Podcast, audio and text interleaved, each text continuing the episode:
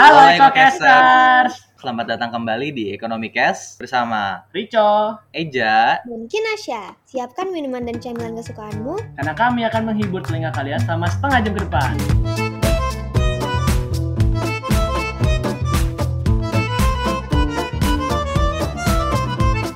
Halo Eko Caster. Halo Caster. Kembali lagi bersama kami di podcast nomor satu di alam semesta. Semesta, anjay. Nah, hari ini kita Sekarang nggak lupa ya? Iyalah. Udah nggak lupa. Udah berapa episode gua nggak lupa. Jadi gini, kita hari ini sangat heboh karena kita sedang Kinasya hari ini sedang absen ya. Jadi hari ini kalian Ya. akan mendengarkan suara kami saja ya. Semoga kalian Dua tahan. cowok ganteng ini aja ya. Ya, satu sih gua. Anjing. Ya pokoknya intinya semoga kalian bertahan lah dengan kita karena Kinasya hari ini sedang berhalangan untuk hadir maka ya kami berdua saja. Oke. Anyway, jadi ya hari ini kita mau ngomongin apa sih? Bentar dulu nih, bentar dulu. Sebelum kita ngebahas apa yang mau kita omongin hari ini nih. Mungkin gue mau say hello dulu ya buat ke Eko Caster. Gimana Oh, nih iya, kabarnya? kita tuh selalu lupa cuy sebelum-sebelum ini. Kan kayak di tengah pandemi nih, semoga para Eko Caster semuanya baik-baik aja ya. Nggak stres lah di sama Hmm. pandemi ini. Dan semoga tetap menjaga protokol kesehatannya biar coronanya nih cepet kelar gitu loh. Nggak makin Mm-mm. lama gitu ya. Betul betul. Mana kita udah mau vaksin juga kan ya. Sayang banget Iya, kalau lu lagi vaksin. Ih, sayang banget lu kalau kena corona sekarang ya.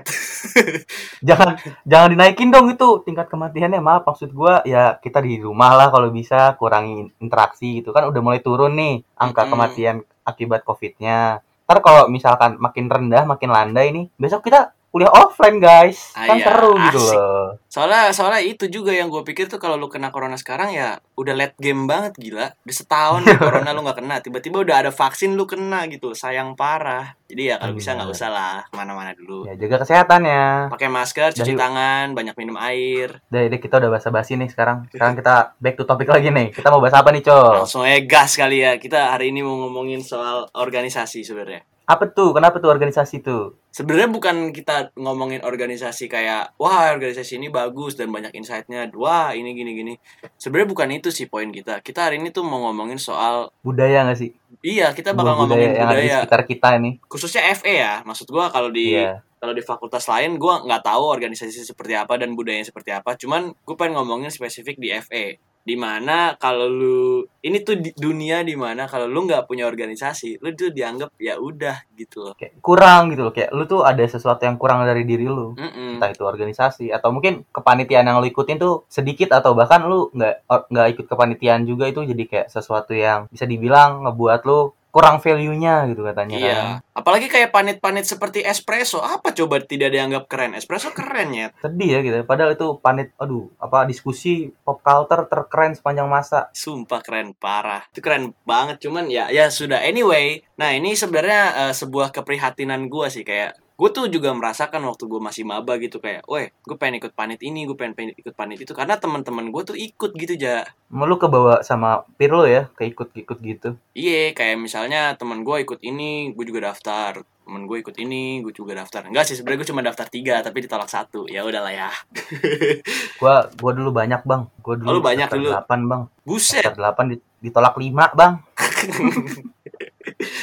ada pengalaman buruk gitu. Nah itu itu gua tuh dulu tuh kena salah satu stigma nih, maksudnya pemikiran-pemikiran atau budaya-budaya yang ada di FE di awal-awal tuh gua ngerasain banget sebenarnya. Kalau kita mau ngebahas ini kayak yang dibilang kalau lu nggak pandit lu nggak keren, lu nggak pandit lu nggak punya teman karena ya gimana ya? Kayak lu tuh pas masuk uh, kuliah kan lu dari lingkungan baru lu nyari teman ibaratnya ya pandit ini ya tempat nyari teman katanya begitu. Hmm. padahal sebenarnya nggak juga kalau menurut gua setelah gua pikir-pikir lagi. Ini mungkin buat ekocaster yang maba nih yang baru-baru dengar ini mungkin bisa jadi sebuah ilmu nih ilmu buat pencerahan pencerahan Tapi kayaknya mereka udah udah nggak maba lagi sih karena mereka udah daftar organisasi kemarin-kemarin dan kita baru bikin episode oh ini iya gitu. lupa Ya semoga nanti kita kita akan blast lagi ya ini ya kalau misalkan Iya. udah ada maba lagi nih kita Iya, kan kemarin baru SNM iya. tuh besok Iya. SBM sama UTBK eh, bentar lagi bro. Jadi kita bikin Iya. episode ini nanti kita blast lagi pas mereka udah masuk biar tahu Siap. gitu. Pengalaman-pengalaman pahit gua dan Eja mungkin ya. kayak pas ditolak tuh ngesel bukan kesel sih kayak apa ya gue Nyesek pengen gitu, dikit susah kalau mencari padanan kata yang menggantikan buat gitu loh. Kayak apa ya gue setuju setuju. gue kesel kan dulu kan gue ditolak nih. Terus gue pikir apa yang salah dari gue apa gue so asik lah? Apa gue so inilah jadi maksudnya mungkin kalau misalkan kalian berpikir kayak gitu itu nggak apa-apa. Karena itu jadinya introspeksi diri kan. Cuman kalau misalkan lu mikirnya kayak waduh gue nggak akan punya temen lagi nih karena itu wah itu nanti kalian Gak boleh jadinya banget tuh yang kayak gitu tuh. Iya, jadinya apa? Nanti kalian overthinking dan lain-lain gitu. Sebenarnya fe- fenomena ini tuh ada namanya kayak kayak ini tuh ini tuh peer pressure. Gue juga baru tahu setelah masuk BOE gitu loh kayak pada ngomongin peer pressure, peer pressure apaan dah peer pressure. Terus gue gue nyari-nyari. Coba gitu. jelasin cuy apa tuh? Jadi jadi peer pressure tuh kayak sesuai namanya adalah tekanan yang lu terima dari peer lu. Misalkan kayak eh, peer tuh apa teman-teman lu lah intinya kayak circle lu gitu loh. Nah ini jadi peer pressure ini pengaruh yang lu rasakan gitu dari dari teman-teman lu dan ya pokoknya karena mereka mempunyai perbedaan nilai sama lu itu lu jadi terdorong gitu loh buat mengubah perilaku lu buat mengubah sifat lu dan bahkan mengubah nilai-nilai yang lu pegang supaya sama dengan apa namanya yang orang-orang lain rasakan gitu loh kayak misalkan panit kayak karena gini aja yang gue bingung banget dari sini adalah pas gue di sekolah dulu itu ya organisasi tuh kayak biasa aja gitu loh kayak Bener yang banget. ya kan OS- osis Pas, pas SMA tuh kayak ya udah osis doang atau Iya. mungkin apa kayak ya udah apa gitu loh. Terus osisnya tuh Gak kayak wajib. ya udah isinya anak-anak culun gitu kan biasanya kan.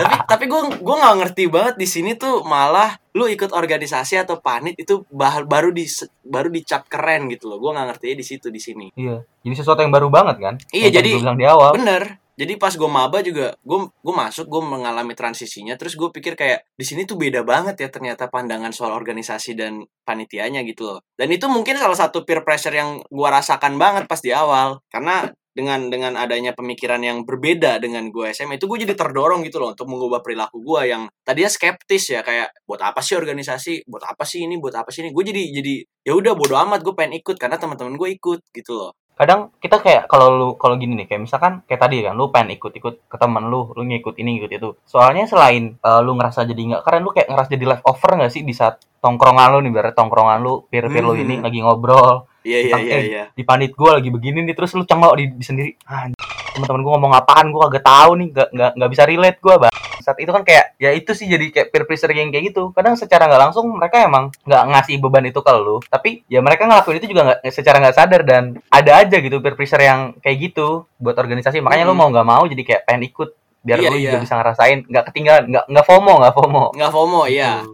Padahal sebenarnya ya juga aja bener. Dia kan dia tuh mereka nih teman-teman lu ini sebenarnya nggak sadar gitu loh neken lu. Kayak mereka cerita yang relate buat mereka tapi nggak relate sama lu. Kayak misalnya timbil kamu kan tidak merasakan timbil gitu loh ceritanya gitu kan. Soalnya kamu tidak organisasi eh, tidak Nah. panitia. Padahal teman lu tuh nggak ada niatan buruk gitu buat nge ngebully lu atau nge mengucilkan lu tuh nggak ada sebenarnya. Cuman ya secara nggak sadar aja gitu. iya iya Uh, peer pressure itu emang sesuatu yang bisa dibilang buruk ya. Tapi kalau kita lihat lagi tergantung konteks juga nggak sih cuy peer pressure itu bisa dibilang baik juga. Ya nggak sih? Iya sih. Oh ya kayak kayak misalnya ini ya lu lu lagi UTS nih terus teman-teman lu Hmm, belajar. itu tuh. Lu tuh terdorong buat ikut Baik. belajar gitu. Iya baik kan? Kalau yang kayak gitu baik. Jadi kalau misalkan uh, kalau ditanya nih gue pribadi gimana sih cara nge-overcome peer pressure ini ya? Sebenarnya balik dulu. Peer pressure-nya ini apa? Jadi intinya adalah Hmm, pertama benar. itu ya lu harus tahu tujuan peer pressure maksudnya bukan tujuan sih lebih ke peer pressure ini tuh hasilnya apa gitu loh. Apakah menekan lu ke arah yang ada gunanya buat diri lu atau enggak? Kalau misalkan menekan lu buat untuk belajar bagus dong. Nggak harus lu Iya, nggak iya. harus lu overcome lu tapi harus ikut ikutin pressure teman-teman lu ini ikutin arusnya ya udah lu belajar. Bener karena bener belajar itu benefit buat diri lu. Tapi kalau menurut gua buat uh, ikut kepanitiaan dan lain sebagainya ya ya udah lu cari kesibukannya nggak harus dengan hal yang itu. Lu bisa uh, menekuni hobi lu bisa juga uh, ngerjain apa kayak lu belajar atau mungkin lu kau belajar ngoding. Pokoknya belajar belajar hal-hal baru ya mungkin nggak sama kayak teman-teman lu tapi itu punya benefit dan itu emang sesuai dengan tujuan lu atau purpose-nya tuh udah penting atau Mm-mm. udah penting sih. Maksudnya purpose-nya tuh udah ada gitu loh dari Iya, lu iya, bukan iya. karena orang sekitar lu. Seenggaknya kayak lu masuk organisasi karena temen lu tapi lu tuh tahu apa yang mau lu dapat di organisasi lu tuh. Kayak misalnya nah bener. misalnya gue nih masuk BOE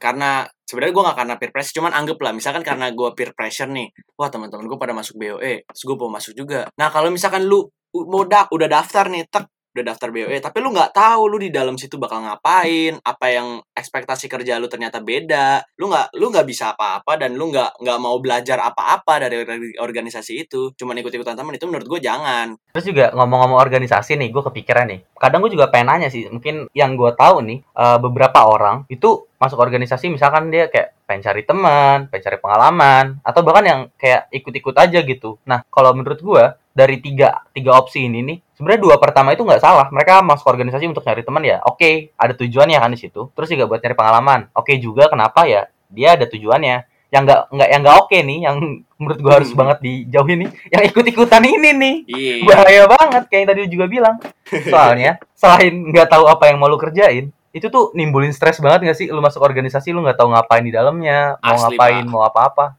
stres banget kan pasti kayak lu ngerjain tugas Iya, dikasih iya. arahan Kayak misalnya gini deh, dulu kan kalau organisasi tuh pasti duluan kan Ja, daripada panit. Eh, eh terbalik.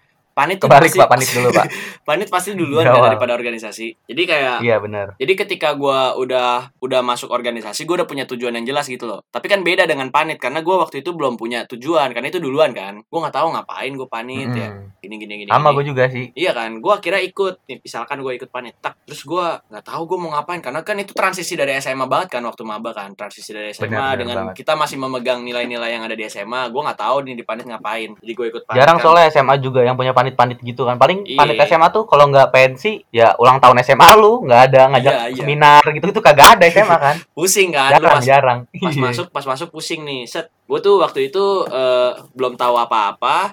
Gue karena ikut-ikutan temen Di dalam gue stres banget tuh Kalau pas misalnya eh, Cutting gue nih ngasih gue tugas Eh lu gini dong gini gini gini. Terus gue kalau misalkan mau nanya Gengsi ya kan? Iya, enak nggak enak. ya nggak enak lo udah diterima masa tiba-tiba gitu. Cuman itu jadinya gua tapi itu jadi pelajaran gitu loh buat gua kalau misalkan lu mau ngapa-ngapain lu seenggaknya tahu gambarannya apa yang lu mau ikutin. Dan ya lu kalau bisa sih pas lagi oh, interview nih lu nanya lu bakal ngapain dan lain-lain cuman kan karena Hmm. gua waktu itu soto ya dia ya udah gitu loh gue ikut aja taunya disuruh ngapain kagak tahu gua Berarti kita harus jadi interview eh, interviewernya, eh, bukan interviewernya, maksudnya jadi yang di interview yang pinter ya. Kalau kita Iya. ibaratnya ngelamar kerjaan nih, harus tahu nih job desk kita apa nih sebelum Ah, ah, kita ngelamar. betul Bener, bener Ini- banget nih Ricardo. ini tuh bisa bisa diterapin juga pas lu udah nyari kerja lo maksud gua ini kalau misalkan lu nyari kerja dan lu udah kerja tapi lu nggak tahu apa yang lu mau kerjain ya ya lu bakal stres banget juga apalagi kerja kan bukan panit Oh, doang benar. gitu loh Iya, iya. terus Kalau dipecat kan kerjaan lu nggak jelas ya, lu dipecat belum tentu digaji gara-gara lu nggak jelas. Baru masuk sehari udah nggak jelas. nah itu pak nah sebenarnya yang kita mau adalah peer pressure yang positif gitu kan. Yang negatif negatifnya Iya, kayak seperti ikut ikutan dan merasa overthinking karena teman-teman lu udah jadi PI satu acara di mana lu ternyata bahkan staff aja enggak gitu loh. Kan itu jadinya lu keplatuk gitu loh. Padahal kenapa juga lu harus merasa tertekan kan? Nah ini kita akan memberi sedikit kiat-kiat ya kiat-kilat untuk mengovercome peer pressure. Nah yang pertama tuh harusnya lu punya nilai sendiri. Maksud gua lu punya interest lu sendiri. Mas kayak kayak misalkan nih teman-teman gue ikut organisasi lain yang yang kelihatannya lebih keren dan lain-lain. Maksudnya tapi gue pengennya nulis gitu. Makanya gue ikut BOE dan gue nggak ke pengaruh oleh peer pressure itu. Jadi lu harus punya nilai dan apa yang lu mau cari dulu deh pokoknya. Terus lu harus mikirin soal perasaan lu dan apa juga. Jadi jangan terlalu mudah terpengaruh sama orang-orang lain aja gitu loh. Iya. Udah gede lah ibaratnya. Masa Iya. lu nentuin ini nentuin itu tergantung orang lain mulu gitu kan. Udah kuliah gitu kita sekarang kan. Iya lu udah gede nyet. Ini juga pikiran lu tuh harus dipertajam dan jangan jangan fokus ke kritik doang gitu loh. Kayak misalkan lu kenapa sih malah ikut BOE, lu kenapa sih malah ikut panit ini, lu malah lu harus bisa menjelaskan gitu loh. Poin lu apa, nilai lu di situ, lu mau ngapain. Jadi Ini gitu udah lah. ada alasan yang jelas dalam lu memilih sesuatu. intinya tuh cuman tujuan. Lu tujuan lu tuh apa sih? Wah bener bener banget. Udah gitu Oh. doang. Yang yang ngikut-ngikut tuh biasanya karena tujuannya kurang jelas atau kurang pasti nih, lebih gampang stres karena karena peer pressure ini. Karena sebenarnya peer pressure ini kalau yang negatif ya, dibiarin terus-terusan ada, itu bakal jadi stres gitu loh. Bakal malah ngebuat diri lu nggak nggak berprogres gitu lah. Kayak Hmm. jadi ya udah di situ-situ aja. Nah, dengan dengan lu ke situ-situ aja mungkin ini ini gantian nih gua nih. Ada eh, dalam berorganisasi atau dalam kita melakukan sesuatu nih di dalam per- pertemanan peer pressure ini mungkin ada beberapa hal lah yang ngebuat lu biar nggak terlalu stres gitu dalam dalam ngerjain eh, kerjaan yang mungkin bisa juga ngebuat lu stres gitu. Nah, misalkan nih pertama memulai hari dengan sesuatu yang baik gitu ya, coy ya. Hmm, ya ini buat ngatasin stresnya nih. Lu Iya. harus, lu harus sarapan. Mungkin ada beberapa orang yang melakukan ritual-ritual yang tidak jelas di kamar mandi kan pagi-pagi. Ya itu itu semua tidak apa-apa gitu loh. Selama itu bisa membuat hari lu tuh lebih lebih lebih cheerful gitu loh. Jadi Iya, bener cheerful. nggak bangun pagi kayak ah anjing Senin lagi, jangan kayak gitu gitu loh. Nah, Lu tuh harus menyambut hari kayak wih Senin lagi saatnya aku bekerja. Iya gitu loh. Kayak SpongeBob kayak SpongeBob. SpongeBob tuh sel- itu satu teladan dalam lu bekerja sumpah. Lu harus mikirin soal SpongeBob di mana dia selalu tiap hari tuh walaupun tuan crabnya pelit banget walaupun Squidward tuh sangat brengsek tapi dia tuh setiap hari bisa bekerja dengan baik ya kan? Membalik burger dan lain-lain dia tuh sangat pokoknya itu jadi role model lu dalam mengatasi stres SpongeBob. Terus ya Terus kedua nih ada be, uh, be clear on requirement. Nah ini maksudnya adalah uh, lu tuh harus jelas gitu sama requirement lu untuk mengerjakan sesuatu atau hal-hal tertentu gitu kan. Ya pokoknya biar, yang jelas itu biar lu nggak nggak ngakuin sesuatu tuh yang ambigu dan kadang mm-mm. dengan requirement yang ambigu atau nggak jelas itu ngebuat lu stres kan. Lu tanya sama yang kakak-kakaknya gitu yang interview lu jadi kak ini apa kerjanya tuh nanti di gini kira-kira gambarannya gimana sih seenggaknya lu punya gambaran soal lu kerja bakal ngapain aja dan apakah itu bisa lu terapkan dengan ilmu yang lu punya gitu loh karena kalau nggak jelas lu akan mengalami burnout gitu loh burnoutnya bukan karena lu kerja tapi karena lu mencari tahu apa yang mau lu kerjain di dalam kerjaan Gimana itu. cara ngerjainnya? Nah itu itu yang bikin pusing tuh bukan bukan lu pas ngerjainnya tapi pas nyari cara ngerjainnya. Karena lu nggak punya gambaran sebelumnya, itu pak. Nah terus mungkin yang Benar. selanjutnya adalah kita harus menghindari konflik ya sih, karena di panit dan organisasi udah pasti ada konflik karena itu banyak orang ya, ya kan. Mm-mm. Mungkin ada yang kalau pas timbil mabuk yang ngeselin atau mungkin lagi ngapain, misalnya lagi ngerjain apa, dia minta bantuan lu Ya. mulu, padahal itu job desk dia Hmm. gitu loh itu banyak soal yang kayak gitu jadi kalian harus terbiasa dengan konflik dan ya kalau bisa sih eh, Dihindari dihindari, ya. aja cuman kalau misalkan jangan sudah- jangan memicu terutama Iya. jangan memicu konflik sih cok jangan jadi pemicu konflik lu jangan Iya. cari ribut itu Iya, ngebuat lu iya, stres nanti bener-bener sama jangan juga terlalu banyak menceritakan soal hal-hal yang nggak perlu gitu loh Oh, jangan oversharing gitu maksudnya iya jangan, terlalu oversharing. ngebuat orang tuh jadi kayak apa sih lu cerita mulu berisik gue pengen dengerin orang lain ngomong nih Ber- berarti gitu Iya, ibaratnya gitu, Pak. Jadi, ya, ya pokoknya Dan kalian jangan- baik-baik aja lah. Jangan memulai konflik, jangan ikut konflik. terus apa lagi cok Nah, terus mungkin yang ini apa namanya? Lu mesti stay organized gitu loh. Karena gue pernah ngalamin sendiri ketika gue lagi di panit atau di apa, tapi guanya berantakan jadwal gue berantakan, gue harus melakukan setuju. ini melakukan itu, jadwal gue banyak yang nabrak. Itu itu sumpah sangat itu tidak enak. stres Itu bikin stres karena lu harus mikirin soal jadwal lu rapiinnya gimana, ini ke sini ini ke sini, dan lu ngerjain sesuatu jadi jadi nggak nggak Terganggu nggak seratus semuanya, persen, iya nggak terganggu Iya, nggak pak 100%. karena lu mikirin soal kerjaan lainnya juga gitu loh dan ketika lu mau tidur tengah malam lu bakal kepikiran anjir besok gua ngapain aja gitu kan Nah, Nah, bener, ini. bener banget. Itu gue juga gue juga setuju banget sama sama Rico mengenai style organize ini karena gue pribadi juga maksudnya lebih suka yang teratur nggak suka sesuatu yang mendadak-mendadak gitu loh. Karena kalau mendadak-mendadak ini itu menciptakan yang sudah lu susun jadi hancur iya betul dan. Dan multitasking tuh oke ini kita kita lanjut ke selanjutnya sekarang ya. Jangan jangan jangan sering-sering atau ya forget lah tentang multitasking karena multitasking itu ngebuat kita stres kalau kita nggak bisa 100% ngehandle gitu loh. Kayak tadi Hmm, dengan hmm, lu nggak ke-organize dengan baik, biasanya mengakalinya kan multitasking nih. Nah, udah lu stres karena nggak terorganisasi, lu juga bisa stres karena multitasking ini. Karena Iya, multitasking iya. ini nggak, maksudnya nggak semua orang bisa melakukannya dengan sempurna gitu loh. Karena multitasking ngebuat kinerja lu tuh turun jadi dan juga terbagi terbagi nambah beban. Iya, fokusnya terbagi dan jadi beban ke dalam ke dalam diri lu secara stres gitu. Ah, ah. nah gue kenal nih ja temen gue ada jadi panitia tujuh pak Wallah walam, banyak amat. nah itu, dia. badannya gimana ya? nah itu pak Tadi dia dia kerja nih, tapi kerjanya ya biasa aja gitu. Jadinya jatuhnya malah kayak bau di mana-mana gitu loh. Karena karena kalau lu multitasking, misalnya lu fokus eh lu lagi ngerjain satu nih. Jadi satu panit lu bagus atau satu organisasi lu bagus. Tapi yang lain tuh banyak yang kececer gitu loh. Kalau lu Hmm, nggak bisa paham, paham. ngehandle, kalau lu nggak bisa ngehandle ya, jatuhnya dianya stres, terus kinerjanya juga nggak baik di panit-panit lain. Nah ini yang bikin Iya. nama bau biasanya tuh kayak gitu karena kebanyakan panit juga Ini- bisa. Cuman kecuali dia emang super super banget ya, semuanya Bisa di-handle gitu. multitaskingnya aman gitu ya. Tasking Iya, aman. Ya, cuman kan kita ngomong secara general ya. Gue kan nggak bisa. Ya, gitu. yang tahu cuma diri lu sendiri lah nih Ecocaster Iya. yang tahu lu bisa multitasking sebanyak apa Mm-mm. dan se- sebagus apa ya Ecocaster itu sendiri bukan Iya. kita ngukur lah, ngukur kekuatan diri lu, Ya. bisanya seberapa Ya, benar. seberapa capek, seberapa apa. tahu batasan-batasan diri Betul. Nah, selanjutnya tuh kita harus be comfortable gitu di tempat kerja lo. Kayak misalkan kalau sekarang di organisasi tuh kalau offline ya, cuman ya saya saya tahu kalian angkatan baru ini belum pernah ke kampus.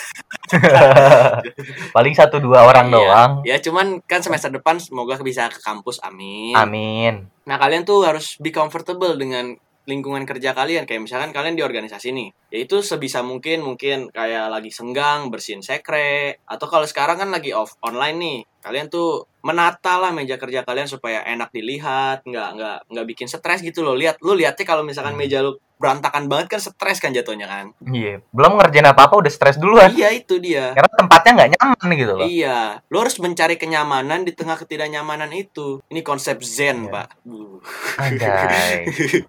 Nah, ya itu. Anyway, kayak gitu. Jadi, lu harus ya seenggaknya menjaga kebersihan lah kalaupun emang gak rapi-rapi amat. Ya, si- simpelnya gitulah. Iya. Terus kalau misalkan lu butuh minum, butuh cemilan di samping lu, taruhlah cemilan ataupun Hmm. minuman. Yang penting ngebuat diri lu tuh senyaman mungkin dalam mengerjakan sesuatu. Ini, tapi kalau bisa tuh jangan taruh minuman dingin ya di meja lu soalnya itu airnya bisa ke mana-mana, Pak.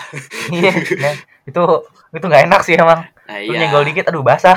Iya betul. Nah terus kemudian selanjutnya tuh kayak lu harus ini nih ini yang paling salah satu salah satu yang bikin paling stres juga Sering. adalah perfeksionisme. Aduh, benar-benar. Kadang tuh orang ya, kalau kalau gue ya, kalau gue tuh teman-teman gue lah gitu, ada beberapa yang perfeksionis banget dan bahkan dia ngebuat gol-golnya ini tuh suka nggak masuk akal menurut gue karena mereka jadi stres sendiri gitu kayak anjir ja ini gimana cara apa ini ya waktunya udah nggak cukup Mm-mm. ini SDM-nya kurang duitnya kurang gitu kayak nggak attainable mereka ngebuat golnya gitu loh itu Mm-mm. terlalu perfeksionis Mm-mm. Ya mungkin kayak misalkan lu juga panit 15 tapi IP 4, IP 4, panit 15, teman-teman aman, main semua. Waduh, lu mati dah.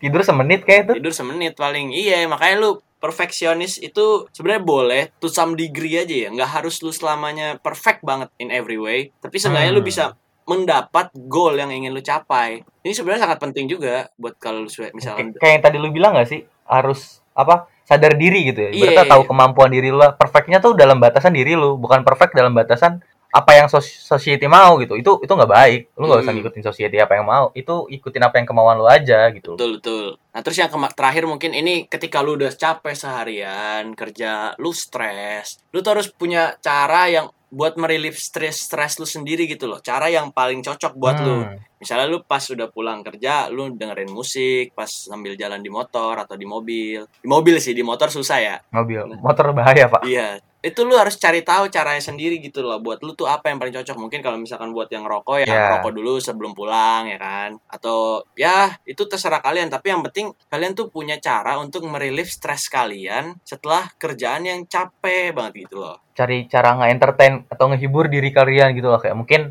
kalau di PJJ atau di rumah gini ya habis kalian ngerjain sesuatu misalkan kita self reward kita misalkan nonton anime Hmm. nonton film Netflixan ya apa pun itu yang ngebuat lu bahagia Makan gitu coklat loh yang gitu. nge-stress ngebuang stresnya ya makan coklat nyemil gitu Heeh. kita tuh mengatakan begini, mengatakan begitu, mengatakan begini. Cuman sebenarnya kita tuh nggak nggak mendiscourage kalian untuk masuk organisasi karena organisasi itu sebenarnya tuh benefitnya banyak banget pak, sumpah. bener gue setuju gue setuju banget Nah ini mungkin kita akan memberikan apa ya kayak sedikit mungkin insight ya kalau bisa kita bilang insight. Karena untuk kalian yang masih belum mengetahui value-nya di orga, untuk sebelum bah- bahkan sebelum masuk organisasi atau udah masuk organisasi cuman kalian belum tahu value-nya eh, mungkin ini akan membantu kalian gitu loh dalam mencari value-nya. Yaitu Iya. di organisasi tuh bakal lu tuh harus bisa lebih mengenali diri lu sendiri lah lu bak- lu tuh bisa seberapa tahan dengan tekanan kerja lu bisa se- Nah, seberapa benar. lama kerja lu bisa bagaimana sih kehidupan lu kalau misalkan dalam tekanan di kerjaan gitu-gitu jadi lu bisa lebih mengenal diri lu sendiri gitu loh dan lu kalau misalkan udah masuk Dan- organisasi sekarang ya lu coba cari itulah terus kayak lu tuh juga jadi tahu kan kayak lu tuh bisa berkomunikasi sama temen yang kayak gimana aja karena kalau di organisasi sekaligus lu dengan mencari temen nih tadi kalau misalkan gua nih masuk organisasi karena pengen punya teman kan nah ini lu jadi tahu lu tuh bisa berkomunikasi sama orang yang kayak gini tuh gimana sama orang yang kayak gini tuh Hmm. gimana gitu. Jadi lu bisa ya communication skillnya juga nambah dan lu jadi lebih tahu diri. Oh lu tuh nggak cocok sama orang yang kayak gini. Oh lu nggak cocok sama yang kayak gini. Oh lu cocoknya sama yang kayak gini. Mm-mm. gitu.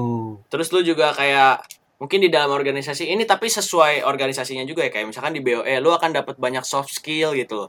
Maksudnya kayak kalau di BOE lu bisa nulis, kalau di Kanopi, kalau di MSS mungkin soft skillnya lain, mungkin dalam bentuk komunikasi ya, ya kayak tadi aja bilang mungkin dalam bentuk penulisan, mungkin dalam bentuk apa ya. Pokoknya eh, lu tuh bakal dapat skill asalkan lu mau nyari skill itu gitu loh. Jadi organisasi Dan tuh lu menawarkan itu. tahu purpose-nya Iya, lu udah tahu purpose-nya. Jadi selain lu udah eh, bisa lebih mencari tahu tentang diri lu dan mengetahui purpose lu masuk di sini, lu bakal dapat skill gitu ya. Ini kan karena semua organisasi pasti memberikan menawarkan value yang berbeda. Tergantung lu inter Iya, tergantung banget. interpretasi lu akan value-nya itu. Nah, ini semua kita kembalikan kepada diri lu masing-masing sih sebenarnya. Satu organisasi beda, setiap divisi yang ada di organisasi itu juga skillnya beda-beda kan ditawarin kan. Semua tergantung ketertarikan lu aja. Bener. Ya intinya sebenarnya secara singkat menurut gue ya lu selain dapat teman, dapat skill, dapat ini, dapat itu ya, semua tuh yang bisa tahu, semua itu ya diri lu aja gitu. Dan yang paling penting adalah lu tuh bakal have fun nyari teman ya, asik-asik aja nggak coy ya?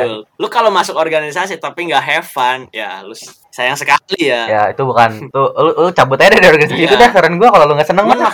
iya gitu loh. Maksudnya kalau lu nggak seneng dalam organisasi itu, lu nggak akan bisa berkontribusi lebih ke dalam organisasi lu. Lu nggak akan bisa have fun dengan teman-teman di organisasi lu.